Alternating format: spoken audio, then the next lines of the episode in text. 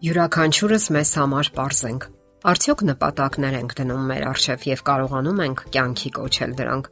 Շատ մարդիկ իրենց կյանքն ապրում են այնպես, կարծես այն հավերժ է եւ երբեք չի ավարտվելու։ Նրանք ապրում են հենց այնպես՝ ներսում դատարկություն եւ ճնշվածության զգացում ունենալով, թախիծ եւ անբացատրելի ընկճվածություն։ Նրանք կարծես ոչ մի նպատակ չունեն։ Այդ ամենն ի վերջո հանգեցնում է նյարդային հոգեբանական հիմնախնդիրների, դեպրեսիաների եւ կյանքի հանդեպ անտարբերության։ Նույնիսկ առավոտյան անկողնուց վեր կենալը դառնում է դժվար։ Ընկերներն ու հարազատները չեն ուրախացնում, չեն ողջևորում։ Ամեն ինչ աշխարհում անհետաքրքիր է ու անմատչելի կամ էլ անկարևոր։ Կյանքը խամրում է եւ կորցնում իր գույնը։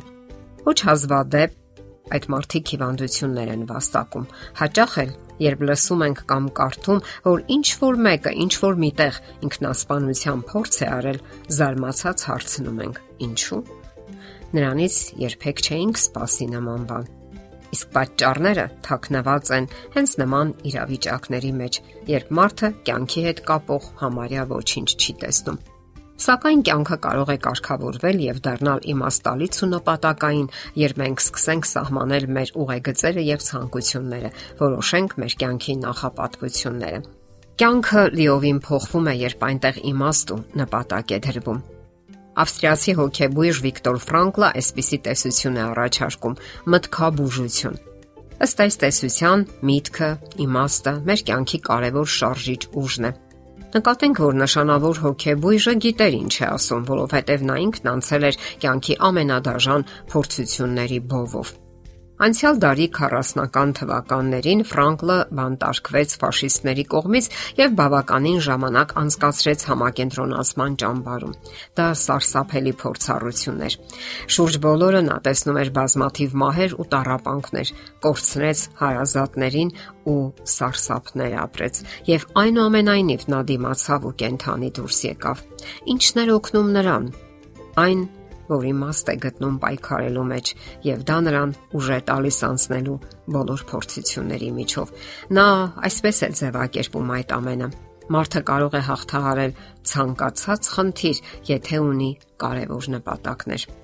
Այդպիսին է նպատակի զորությունը,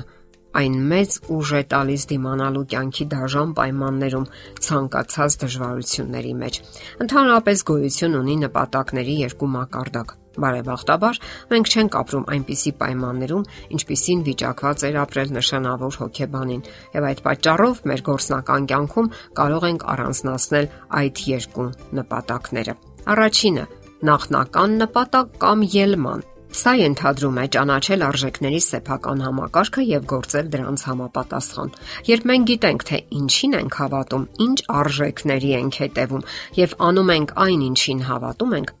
ապա մեր ինքնարժեքը եւ վստահությունը մեր հանդեպ աճում է, անկախ այն բանից, թե որքան դժվար է մեզ համար ընթացիկ իրավիճակը։ Երկրորդ մակարդակը ավելի լայնածավալ է։ Դա վերաբերում է ոչ միայն ընթացիկ իրավիճակին, այլև կյանքի ընդհանուր համայնապատկերին։ Դա իմաստի կենսական ուղությունների որոնումներն են։ Դա այն զգացումն է, որ մենք ճիշտ ուղու վրա ենք, եւ այն օգնում է մեզ, որ առավոտյան արթնանանք ու ոտքի կանգնենք առույգ ու թարմ ուժերով լի։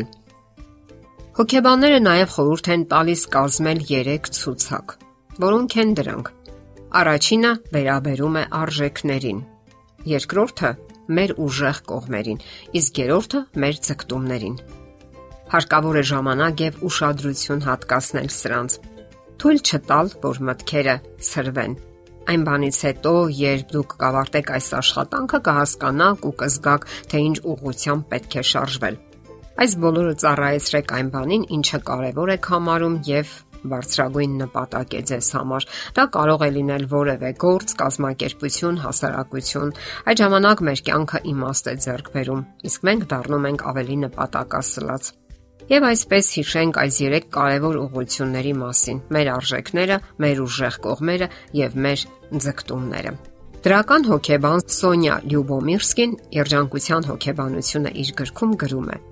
Երջանկության միայն 10%-ն է մեզ հասնում արտաքին աղբյուրներից, ինչպիսիք են դրամները, փառքը կամ հասարակական դիրքը։ Մնացածի համար պատասխանատու ենք միայն եւ միայն մենք։ Պարզապես հասարակական կյանքը, մտածողությունն ու կարծրատիպերը անընդհատ փորձում են խაფել, թմբկահարել այն կարծիքը, որ դրամները, հասարակական դիրքը, պաշտոնական փառքը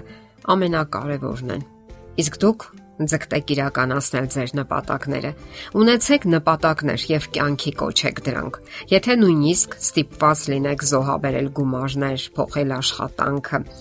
ապա ջանքերը արժեն արդյունքներին։ Եվս մի կարևոր գործոն։ Եթե ոչ ամենակարևորը։ Երբեք չմոռանաք ձեր նպատակների մեջ ներգրավել Աստծուն։ Կարգավորեք ձեր հարաբերությունները նրա հետ։ Խորհուրդ հարցրեք նրանից Նա անհամեմատ ավելի լավ գիտի ձեզ, քան դուք պատկերացնում եք եւ կարող է օգնել ձեռք բերելու կյանքի իմաստն ու նպատակը։ Եվ պատրաստ եղեք փոփոխությունների։ Դրանց կարիքը անկասկած կլինի։ Մնալով նույն մտածողության ու քայլերի մեջ երբեք առաջ չեք շարժվի։ Եթերում առողջ ապրելակերպ հաղորդաշարներ։